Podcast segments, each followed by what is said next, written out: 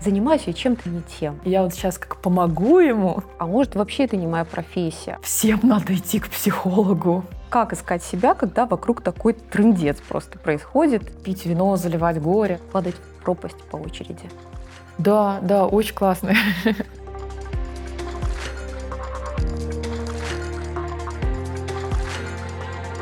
Привет, это «Пора к психологу», проект, в котором мы помогаем белорусам справиться с высоким уровнем стресса. Я Ирина Шумская, психолог, кризисный психолог, соматический терапевт. А я Алла Шарко, журналистка. И сегодня мы будем говорить про самореализацию, мотивацию, поиски смыслов. И э, хочу вот сразу спросить, часто люди пишут, что занимаются вот каким-то не своим делом, ничто их не радует, и нет никакой мотивации – с чего можно начать распутывать эту ситуацию и какой вообще первый шаг может быть? Хороший первый шаг — это понять, что в большинстве случаев дело не в мотивации и не в самореализации, что этот запрос ну, в некотором смысле подменный. Когда возникает э, вот это отсутствие мотивации, что должно с человеком произойти? Как вы думаете? Ну вот э, нет же такого, что человеку очень хочется купить определенную вещь или быть с каким-то определенным человеком, но нет мотивации. А когда возникает вообще эта ситуация? Вот вроде бы как все вот как-то шла жизнь ровно, ровно, а потом вот внезапно человек понимает, да, может, я вообще не туда шел. О, вот это, кстати, отличный момент же, да? Жизнь шла ровно, и я про нее вообще не задумывался. Я не задумывался, что я делаю, зачем. А потом я вдруг понял, что я делаю что-то не то. Ну так это в целом хороший момент. Я вдруг понял, что то, что я делаю, это мне не подходит. И я не могу найти для этого мотивацию. Вот. А в целом бывает, что когда человек находит связь с собой, понимает, э, что он действительно на самом деле хочет, у него появляется мотивация и для других дел, в том числе нелюбимых. Ну, то есть, например, э, человек обожает танцевать. Но каким-то образом почему-то он отделяется от этого, от своей потребности, от своей любви к танцу. Может быть, ему кажется, что взрослая жизнь не для этого, может быть, слишком много работы, еще какие-то вещи. А, но когда он находит час, там, два-три в неделю для того, чтобы делать это, и работа вдруг кажется не такой уж и ужасной, его начинают э, меньше раздражать всякие люди, которые занимаются всякой фигней, а он вот должен там тащить всех и вся. В принципе, когда человек осознает, что у него не хватает мотивации для чего-то, и э, оглядывается вокруг и пытается понять, что происходит, это может быть не только про то, что дело не подходит.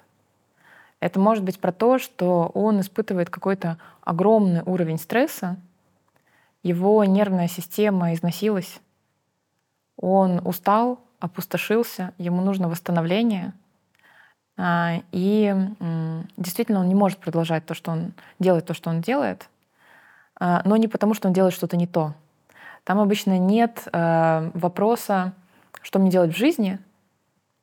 Там вопрос, как мне делать то, что я на самом деле хочу.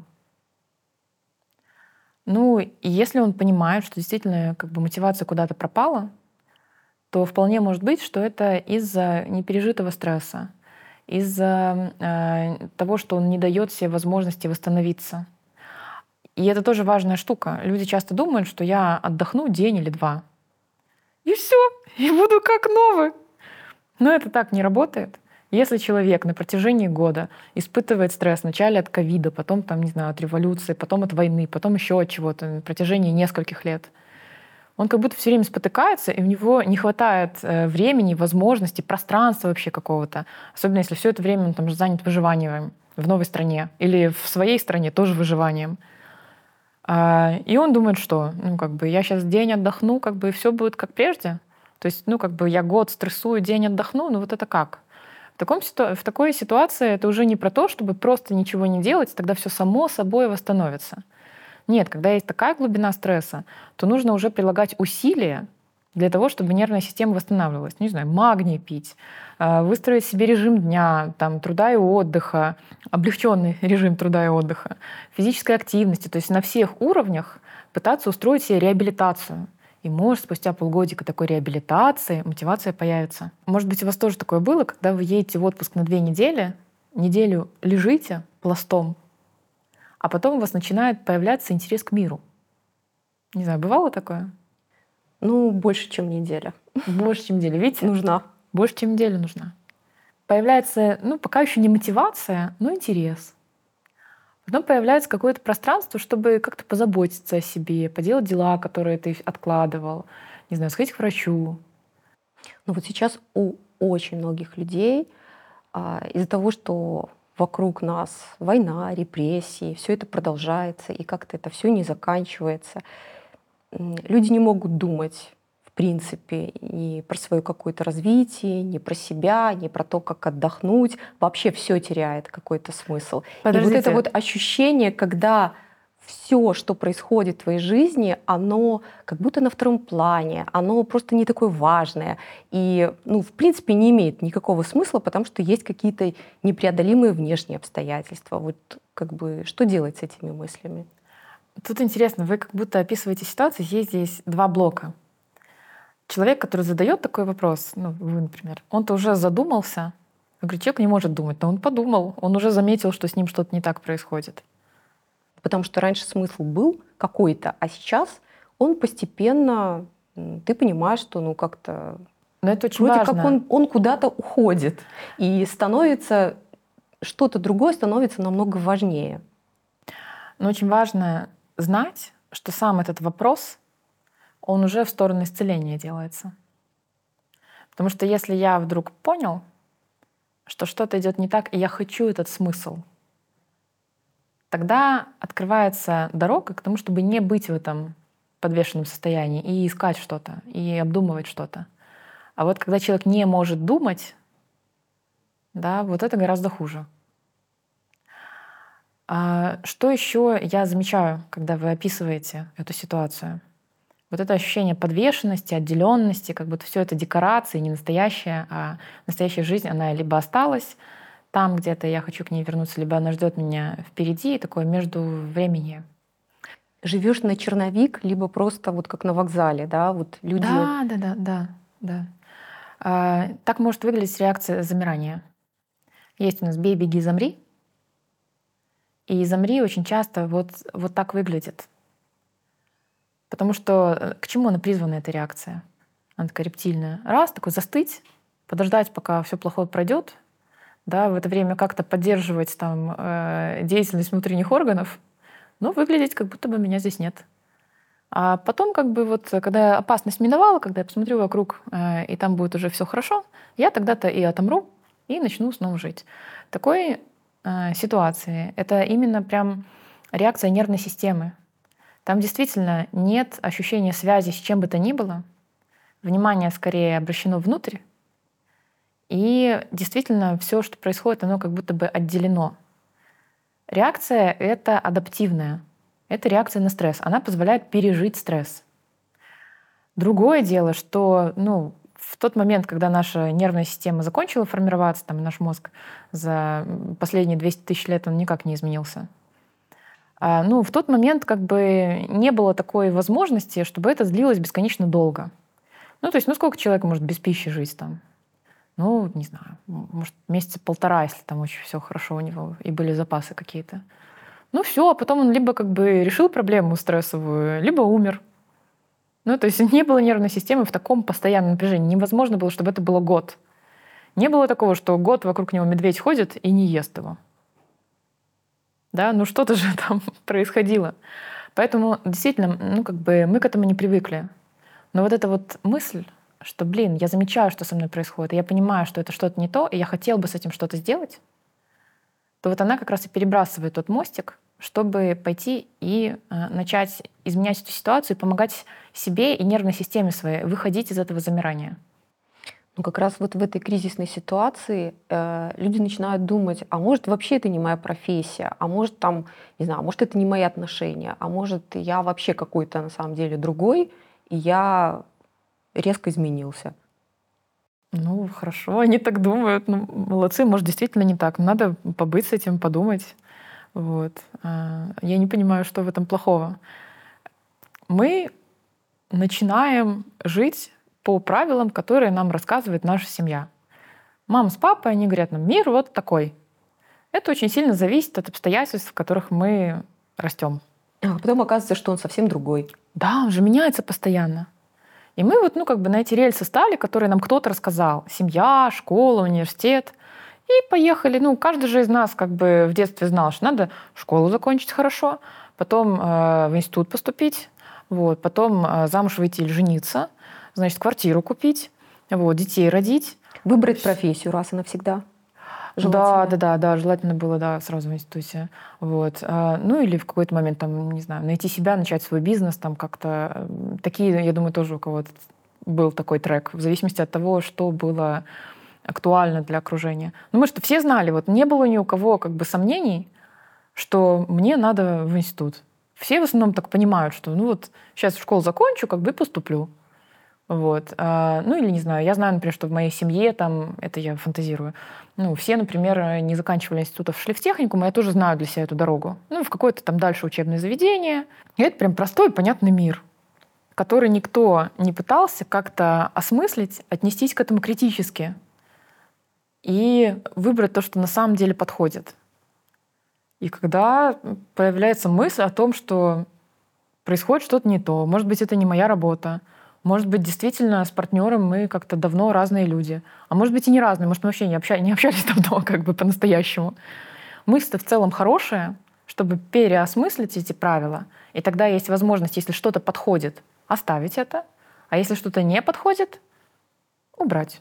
Но все равно, как искать себя, когда вокруг такой трендец просто происходит, люди страдают, а ты будешь там искать, что тебе подходит, что не подходит, там, как-то радоваться, пытаться жизни. Понятно, что это нужно сделать, но если ты просто не можешь. Алла, а какое вот у вас это вызывает чувство, когда вы думаете о том, что другие люди страдают? Что это значит? Ну, это очень горько это осознавать. И, и бессилие. Да. И как вы переживаете это бессилие? Ну, иногда плачу. А бессилие — это нормально? Или все-таки мир должен быть полностью нам под контролем? Хотелось бы, да. Вот, очень хотелось бы, но нужно принять тот факт взрослому человеку, что мир нам не полностью под контролем. Маленький ребенок, он может чувствовать себя всесильным, что мир вращается вокруг него. И когда он понимает, что это не так, это очень горько. Когда-нибудь видели, как маленький ребенок, он бросает соску или ложечку, он такой, чик.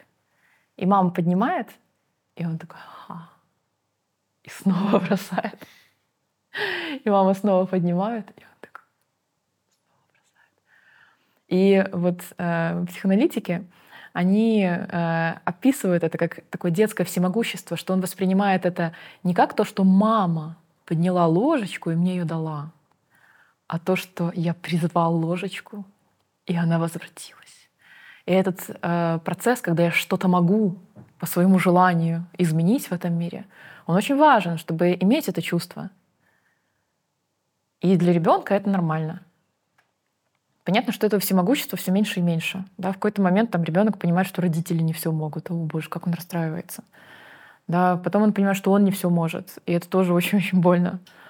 Да, но как бы человек приходит э, в точку, где в взрослости, где он понимает, что есть вещи, с которыми я бессилен справиться. И все, что я могу, это как-то проживать печаль от того, что мир не таков, как мне хочется. Эта печаль, она может соединять нас с нашими ценностями. Вот это очень важный мостик. Важно не забить, не сказать, господи, ну они в тюрьмах, и что теперь, мне остановить жизнь как бы? Ну нет, нет, не про это. Мне очень горько, что они в тюрьмах. И это с чем меня соединяет? С важностью справедливости, с необходимостью как-то менять этот мир к лучшему.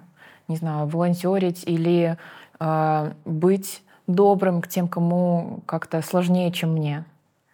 Да, это открывает какую-то ценность внутри меня. Может быть, это открывает ценность какого-то сообщества. А, может быть, э, это открывает ценность, ну, не знаю, веры в лучшее или наоборот. Это может быть про поддержку. Может быть про то, чтобы не быть равнодушным. Ну, я после протестов, я сказала себе, что я никогда не хочу быть равнодушной. Для меня а, именно равнодушие к тому, что происходит вокруг, привело в эту точку. И это какая-то ценность, которую я несу с собой дальше.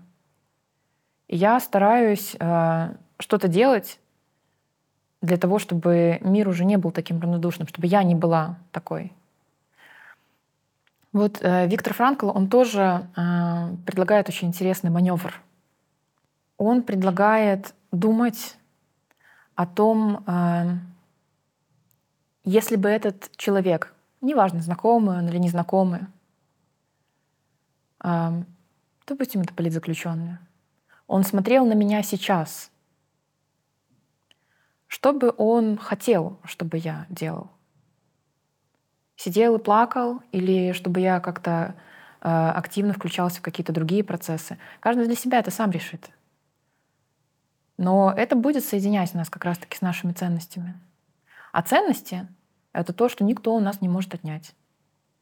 И это позволяет как раз идти дальше, не теряя связи с тем важным, что в жизни было и есть. Я просто вижу э, в ленте в своей и везде, как много людей тоскуют просто по прошлой жизни. Вот было все понятно, все предсказуемо. Э, я там занимался каким-то понятным мне делом, мне это нравилось. Потом все поменялось, да, и человек, э, ну, не хочет принимать вот это новое, он продолжает жалеть свою прошлую жизнь, хочет в нее вернуться, либо, ну да, как мы уже говорили, пытается жить, э, не знаю, какими-то планами. Мы поговорили, да, про реакцию замирания, но а что делать, если эта реакция замирания длится уже несколько лет? То есть, ну понятно, что мы не можем э, в замершем состоянии такое количество времени быть. Что делать?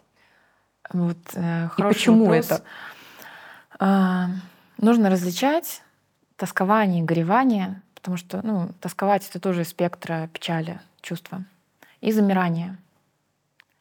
Я могу замереть и не позволять э, себе прожить печаль, осознать, что случилось, осознать, что мир изменился, начать видеть реальный мир и пойти куда-то дальше.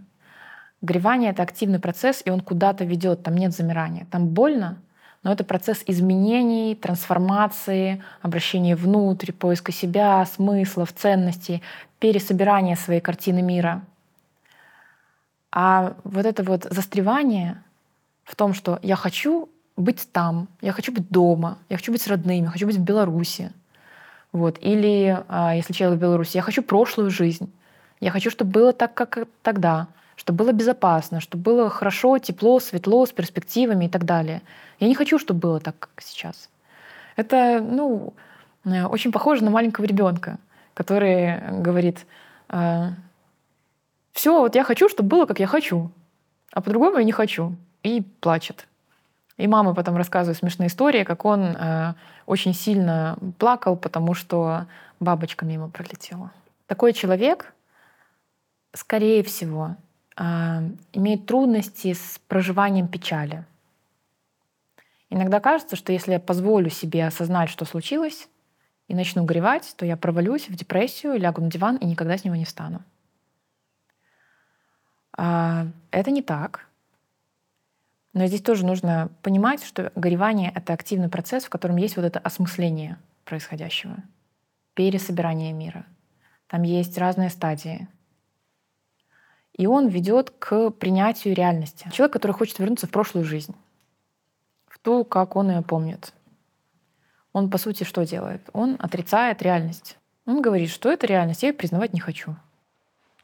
Многие бросают, э, в общем-то, то, что им и нравится делать, там, не знаю, например, творчество какое-то, музыку, э, руки не поднимаются, рисовать. Э, ну, то, ну, что конечно, раньше... это силы нужны. Ну, давайте представим себе горющего человека, у которого кто-то умер. Он что там, сразу же начинает э, это, писать и рисовать, и петь песни?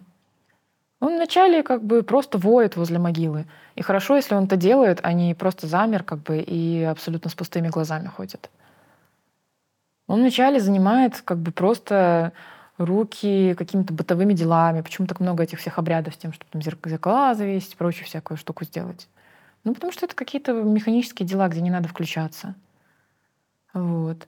Потом э, у него начинаются какие-то другие процессы. Может быть, он злится, и он говорит, зачем ты оставил меня? Вот.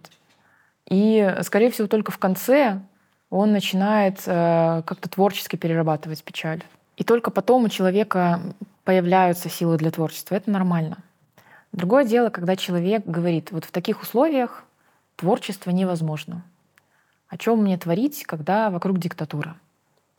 И я вспоминаю, это может быть не совсем психологично, но я вспоминаю э, свой опыт абсолютно э, восхитительный.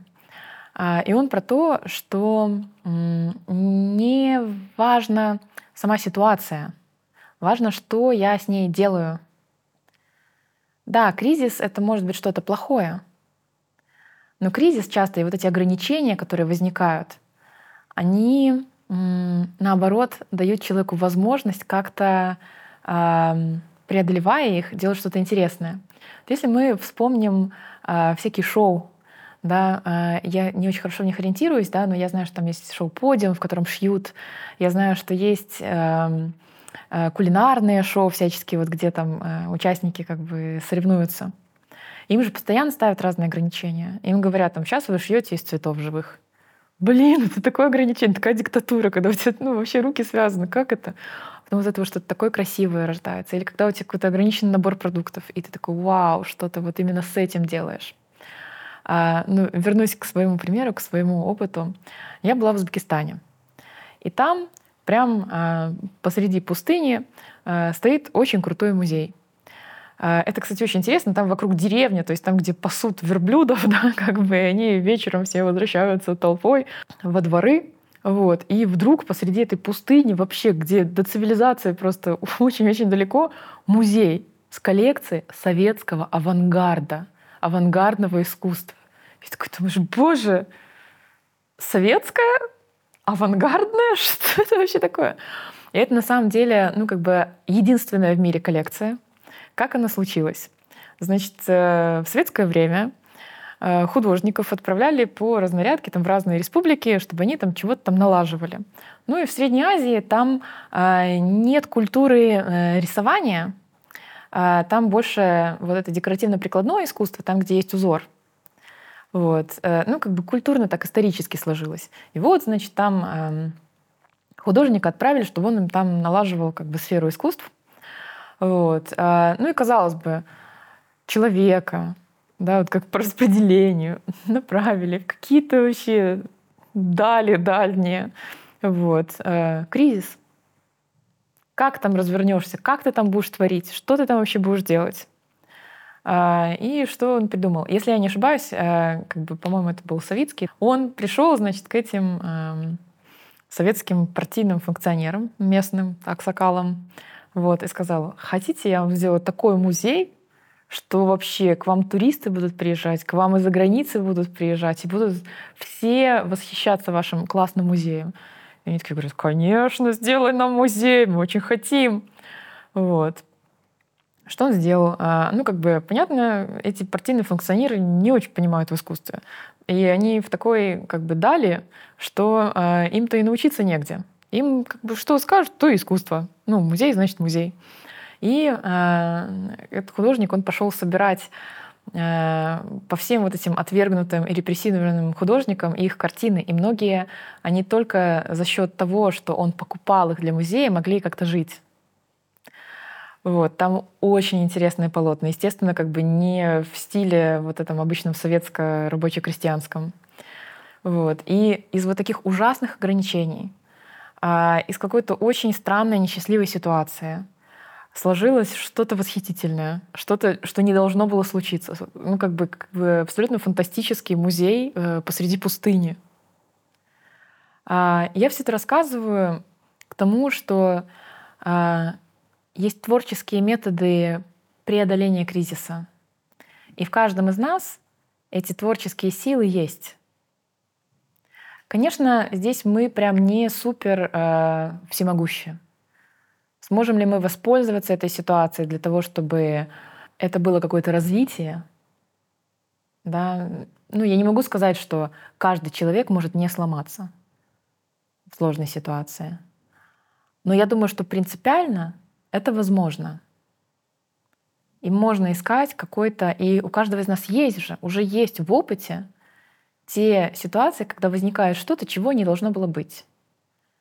Какая-то дружба, которая не должно было случиться. А, Боже, ну как бы да даже событие 20-го. Ну, возникло что-то, что не должно было случиться. Что-то абсолютно фантастическое, абсолютно крутое, как вот этот музей посреди пустыни. А, это же хорошо. У кризиса, конечно, есть вот эта стрессовая часть, которая вгоняет нас там в тоску, депрессию, нервное истощение. Но есть возможность э, и для творческого развития. Он амбивалентен. И мне как-то очень хотелось бы показать и вот эту творческую интересную сторону, когда что-то случается, что-то получается. И так тоже бывает. Почему многие белорусы э, все-таки продолжают жить, словно в 2020 году, никак это не отпустят и остаются в прошлой жизни мозгами? Я думаю, что не только мозгами, еще и телом. Прям всем существом своим остаются. Я здесь не могу сказать по науке, потому что я не читала ни, одной, ни одного исследования на эту тему. А, у меня есть гипотеза. Я думаю, что в тот момент а, у многих людей личностный кризис наложился на вот этот кризис политический. Люди искали смыслы, искали себя, искали возможность делать что-то стоящее и возможность быть принятым другими. А, если вы помните, во время протестов а, там же было прям а, так приятно купить воды и привезти это людям и раздать. Или угостить их печеньем, или собрать мусор. И все очень вкладывались в это. А, это было что-то очень общее, там, где мы принимали друг друга и делали друг для друга что-то хорошее. Это очень классно, очень уникальная ситуация. Плюс была возможность сделать что-то важное и что-то, что имеет смысл.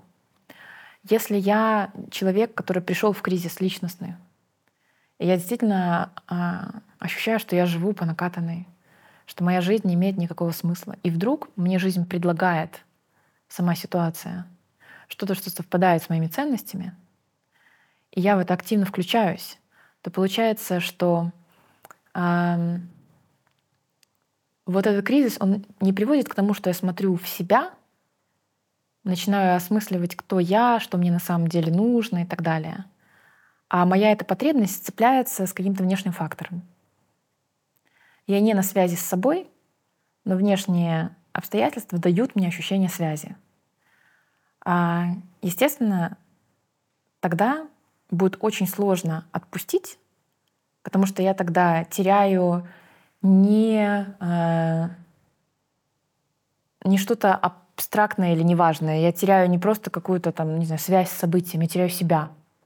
По сути, такому человеку, ну, как бы, если я говорю, слушай, ну, тебе надо отпустить и принять реальность, я ему предлагаю, ну, почти умереть. Сказать, слушай, ну, ты обрел, конечно, смысл. Ну, теперь все, он закончился. Ты нашел себя, ты почувствовал связь с собой и другими, но сейчас как бы этого больше нет.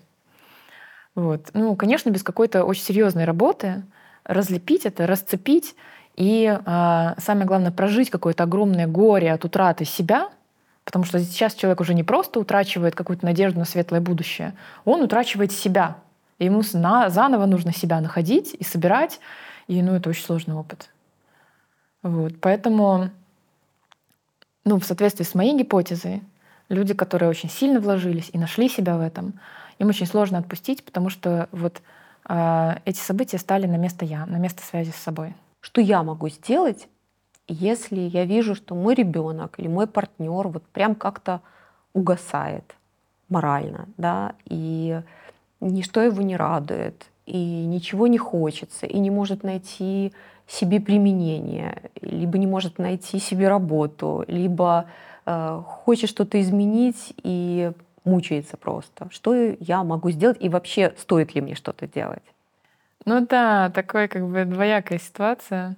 С одной стороны, мы снова возвращаемся к детской ложечке, mm-hmm. что я-то же такой же просветленный и такой классный, и я вот сейчас как помогу ему, ну, так хочется. он как бы и поменяется, и что я реально что-то могу сделать, чтобы другой человек изменился. И это же тоже распространенная история, что я своим терпением и любовью там, позволяю человеку, там, или я меняю его там, и так далее.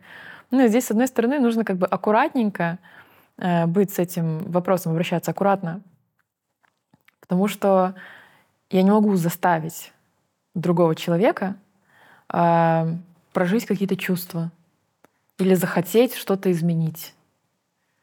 Это и кризис, потому что он сам должен к этому прийти. Ну, в некотором смысле это даже унизительно. Он получается как маленький ребенок, я его веду на поводке, что ли, к результату лучшему его жизни. Вот. А, при этом действительно помочь человеку как-то в этой ситуации можно. Если мы говорим там о каком-то субдепрессивном состоянии или депрессивном, ну, нужно, чтобы был кто-то рядом, кто э, приготовит еду, э, кто э, даже не депрессивном, даже в состоянии там, печали, кризиса. Вот я снова к этой печальной тематике вернусь э, похорон. Во многих традициях, это, кстати, очень классно. Горюющему человеку приносят еду и помогают ему по дому. И там в первые 9 дней он ничего не делает. Он горюет. Чем меньше он отвлекается на что-то еще, тем больше у него возможностей как-то активно проживать этот процесс. Большинство людей, что они, процесс невыносим, пойду что-то поделаю лучше. Поработаю. Поработаю, там, съезжу в путешествие, что-то еще сделаю, но только не буду в этом процессе. Вот. А если ему меньше нужно отвлекаться на то, чтобы забирать детей из садика, водить их на кружки, как бы э, постоянно что-то делать, делать, делать, делать, то у него остается больше пространства для того, чтобы рефлексировать, и эта работа горя все-таки случилась. Поэтому да, можно обеспечить что, ну, как бы его этим пространством, но заставить его воспользоваться этим пространством невозможно. Но вы, по крайней мере, знаете, что у него это есть. Вторая э, штука, которую можно сделать, это вот э, очень странно звучит, но это быть в порядке. Если мне прям аж так жалко этого несчастного, бедного моего близкого человека, я так уже как бы сочувствую, что сама переживаю тревогу, страх, э, это несчастье, эмпатически с ним соединяюсь, то мы вместе падаем в пропасть. А если я рядом и я в порядке, ну, как бы не на седьмом небе отчасти, но я в целом в порядке, я справляюсь, то у него есть возможность э, присоединяться к моему в порядке. Наши нервные системы, они в любом случае коррегулируются. Может быть, вы замечали, что когда приходишь там ну, в какую-то, не знаю, компанию, там все грустно, там все рассказывают, как плохо, как мы там, не знаю, жизнь свою утратили, и все, ничего у нас не получается там. Вот. И пока мы там не покаемся все в своих грехах. Ну, я фантазирую, да все будет плохо, и тоже как-то вы притихаете, как-то понимаете вот этот весь, ну, вот эту патетику. А, или наоборот, вы приходите в компанию, или а, даже не в компанию, приходит друг и рассказывает, что слушай, мне вид на жительство дали, там, или что-то классное случилось, у меня что-то получилось, я встретил своих, как бы я что-то, прикинь, вопрос сложно разли, э, э, разрешился. И тоже начинаете улыбаться, потому что столько энергии в этом, столько это так заразительно, да. Вот. Поэтому э, можно быть чем, тем человеком, который создает э, вот это ощущение опоры, безопасности, того, что мир в порядке, и все вот это плохое, оно закончится. Это сложно, потому что если рядом с депрессивным человеком, тебя будут стягивать немножко в эту депрессию. Ну да, важно заботиться о себе, надеть маску вначале на себя, потом на ребенка, да, как в самолете. А, и а, да, таким образом тоже можно заботиться о другом, заботиться о себе падать в пропасть по очереди. Да, да, очень классный. Очень классный способ. А если это не близко, если это я вдруг понимаю, что вот как-то занимаюсь я чем-то не тем, а мне уже, ну тут можно подставить цифру, кому какая больше кажется страшной, больше 30, больше 40, больше 50 лет, и очень страшно вообще что-нибудь менять, но человек понимает, что вот в этой точке, в этом месте он уже просто не может. Вот что бы вы посоветовали? Ну, как я уже говорила, кризис в целом может быть очень позитивным моментом. А если бы не существовало смерти, жизнь была бы чередой абсолютно похожих друг на друга дней, которые не, не имеют никакого значения сам вот этот момент, что я понимаю, что мое время ограничено, и я хочу наполнить эту жизнь смыслом, удовольствием, а, чем-то важным, чем-то крутым. А, вот сам этот посыл, он очень классный. Без э, вот этого кризиса, когда я понимаю, что мне уже там 50 лет, вот, или мне 40 лет, это, кстати, нормативный кризис, который в 40 лет происходит, кризис середины жизни. Без этого не было бы возможности проживать свою жизнь действительно наполненной, интересной. У людей-то и перемены случаются часто в период кризисов. Человек понимает, что, не знаю, когда началась война, все не имеет смысла, кроме возможности обнять близких, знать, что они в порядке, знать, что они в безопасности. Это же классный момент переоценить свою жизнь, понять, что там на самом деле важное есть. Вот это важное. Не денег заработать, да мне тогда все равно, что он сказал, что он сделал, принес он там пятерки или тройки там из школы. А, главное, что он живой, вот такой э, розовенький, румяненький, любимый, вот здесь вот есть, как бы, ну да, он что-то отчебучивает. Теплый дышит. Вот, вот. Это возможность, ну, как бы реально какую-то шелуху оставить позади и начать смотреть на то, что действительно важно. Мы же так увлекаемся тем, кто что сказал, кто что сделал, кто кого уважает, кто кого не уважает, еще какими-то вещами. А ну, когда случаются вот эти э, кризисы или там человек попадает в аварию, это вообще классная возможность понять, боже, вообще, что, что я, куда, почему меня как бы эти вещи волнуют. На самом деле важно другое. Вот. А себя нужно пересобрать, если мы говорим о возрастном именно кризисе. Это будет какая-то работа по переосмыслению и по налаживанию связи с самим собой, со своим «я». Это очень интересно. Люди часто приходят с таким запросом в терапию. И очень часто, когда терапия заканчивается, я говорю, подождите, ну, как бы, вот э, мы с вами итоги подводим. Вы что пришли, вам там про смысл надо было, про мотивацию, про самореализацию.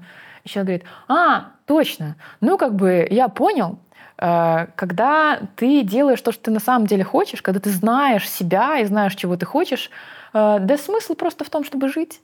И как будто какой-то дополнительная великая цель, она становится не нужна кажется, что это небольшая работа и что это прям такое обесценивание. На самом деле человек прошел огромный путь, когда он заглянул в себя, а, понял, что для него на самом деле важно, чего он хочет, что на него влияет, почему он думает так э, или вот так. И для себя что-то открыл. Но это же очень сложно развернуть фокус внутрь начать смотреть на то, что со мной происходило и происходит сейчас, как что с чем связано, как я, в принципе, функционирую. Это очень сложно начать интересоваться собой. Всегда и... есть что-то более важное. Конечно, конечно, всегда. Поэтому до 40 лет человек доживает, не делая то, что он на самом деле хотел бы делать. Ну, да, естественно, как бы нормальная история. Да, но есть вот этот шанс. Когда есть связь с собой, легче налаживать связь с другими и с, мы, и с миром. Смысл э, — это, по сути, есть связь. Да, когда мы говорим «все обрело смысл», это что значит? А, у нас все выстроилось в какую-то картинку. Мы поняли сюжет, поняли, к чему это идет. И оно как бы обрело целостность, связность какую-то. То есть до этого был какой-то мешанина, какой-то хаос, а сейчас все обрело смысл. Да, я понял. Поэтому для того, чтобы смысл найти, нужно именно эти связи налаживать.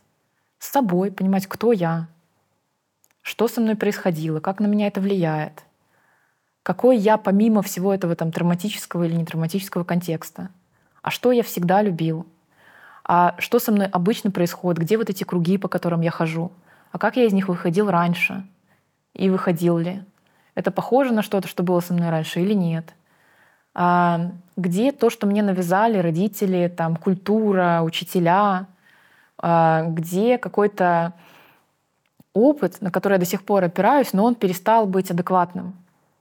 Да, я-то могу, например, а, дожить до 40 лет и думать, что я уродина, да, потому что меня в школе булили, например. Но это же очень классная возможность переосмыслить этот опыт и понять, что я в этом моменте опираюсь на неадекватный опыт. Что это было ужасно, это было травматично, это не факты. Это тоже про связь с собой. Я могу делать тогда выбор какой-то, какой опыт свой я оставляю, а какой я отвергаю, какой мне больше не нужен, который уже неадекватен, который не ведет меня к чему-то хорошему.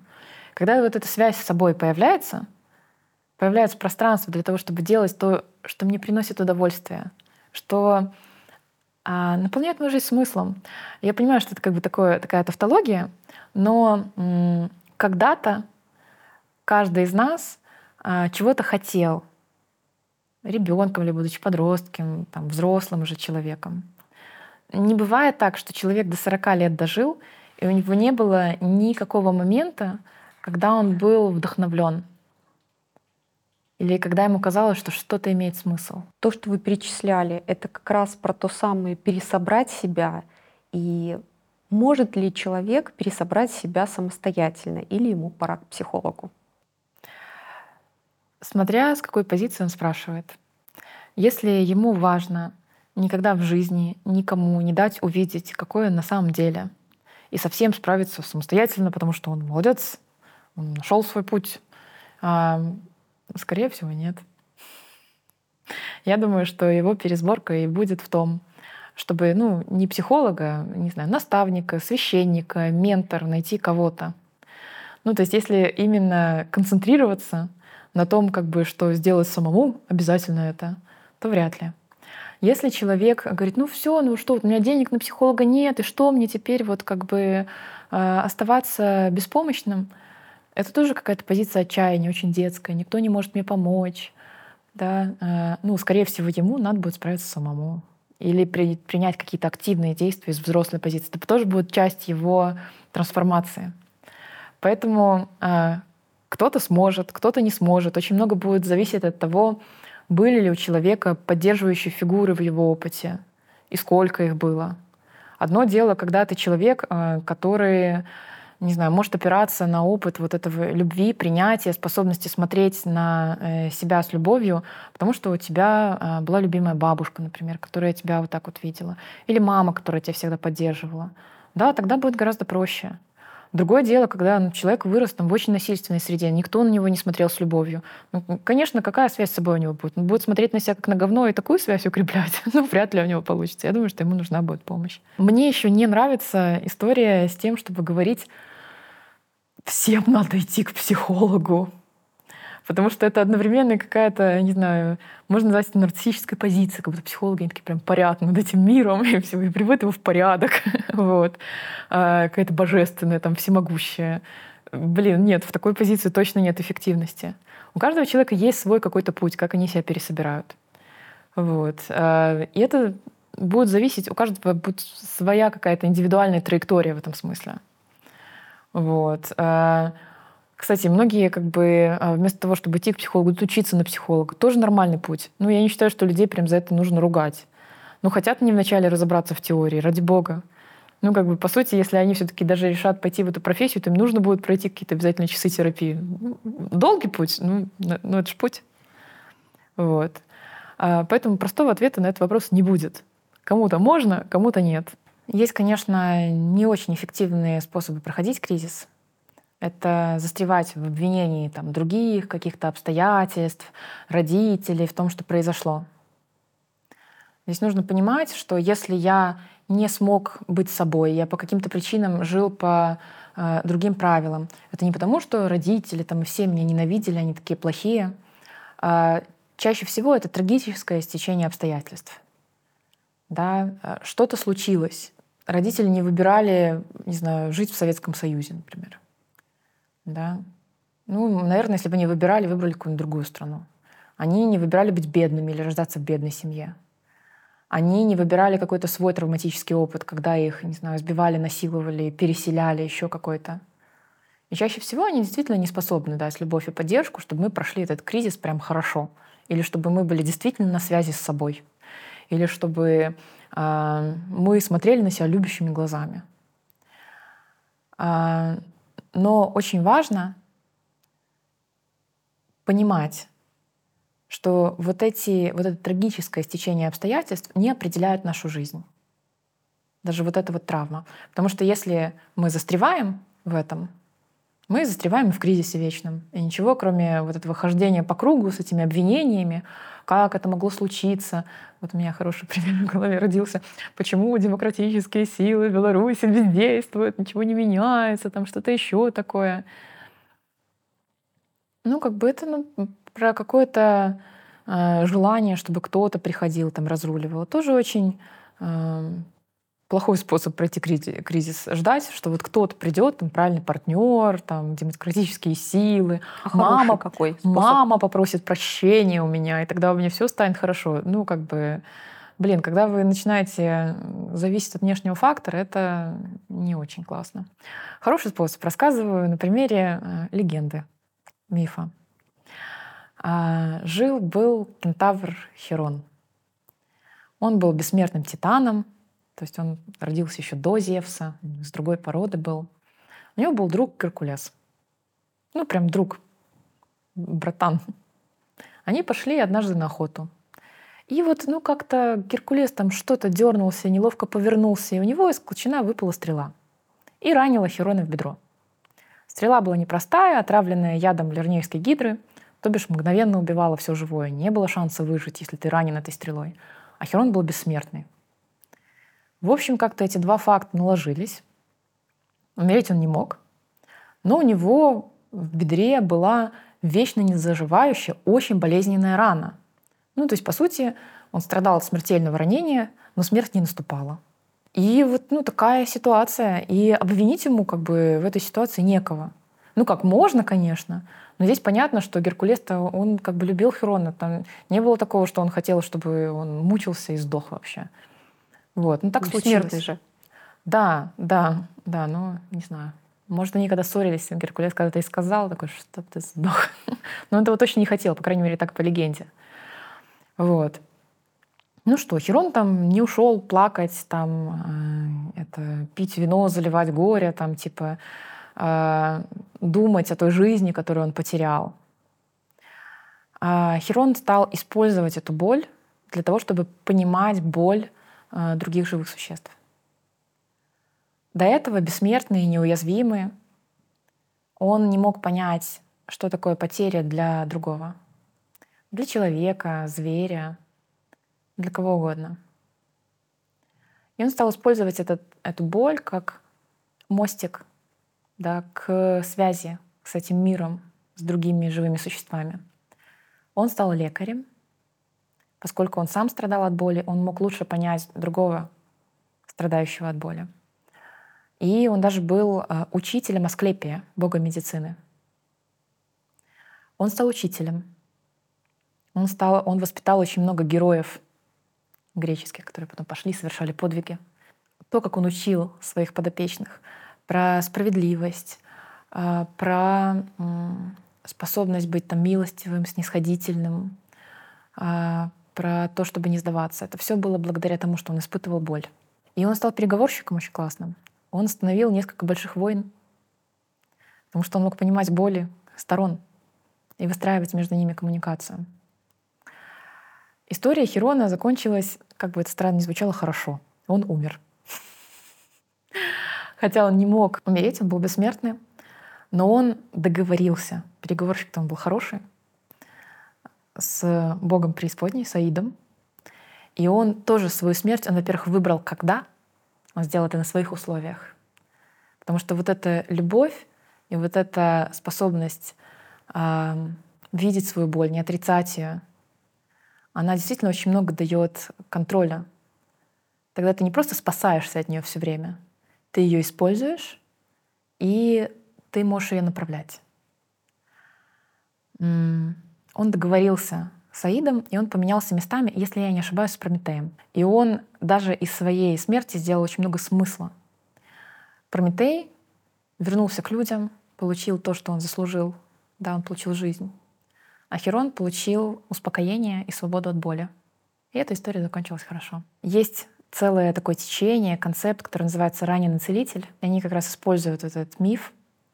Они говорят, что мы находим смыслы с помощью своих ран — если меня никто не видел и не слышал, когда я была маленькой, я могу каким-то образом помогать другим э, преодолеть вот это одиночество, видеть их и слышать. Это будет огромное количество смысла. Это будет про мои раны, но это будет давать моей жизни смысл. Это вот способ переплавить ту боль, с которой я встречаюсь, в любовь, во что-то еще. И это очень классный способ преодолевать кризис. Ирина, спасибо большое за сегодняшний выпуск. Вам спасибо. Мы надеемся, что вам было очень полезно. Подписывайтесь, ставьте колокольчики, не пропускайте следующие выпуски, пишите ваши вопросы в комментарии. Это очень помогает выстраивать наши выпуски. и слушайте также э, нас на подкаст-платформах Радио Сити Док. До встречи!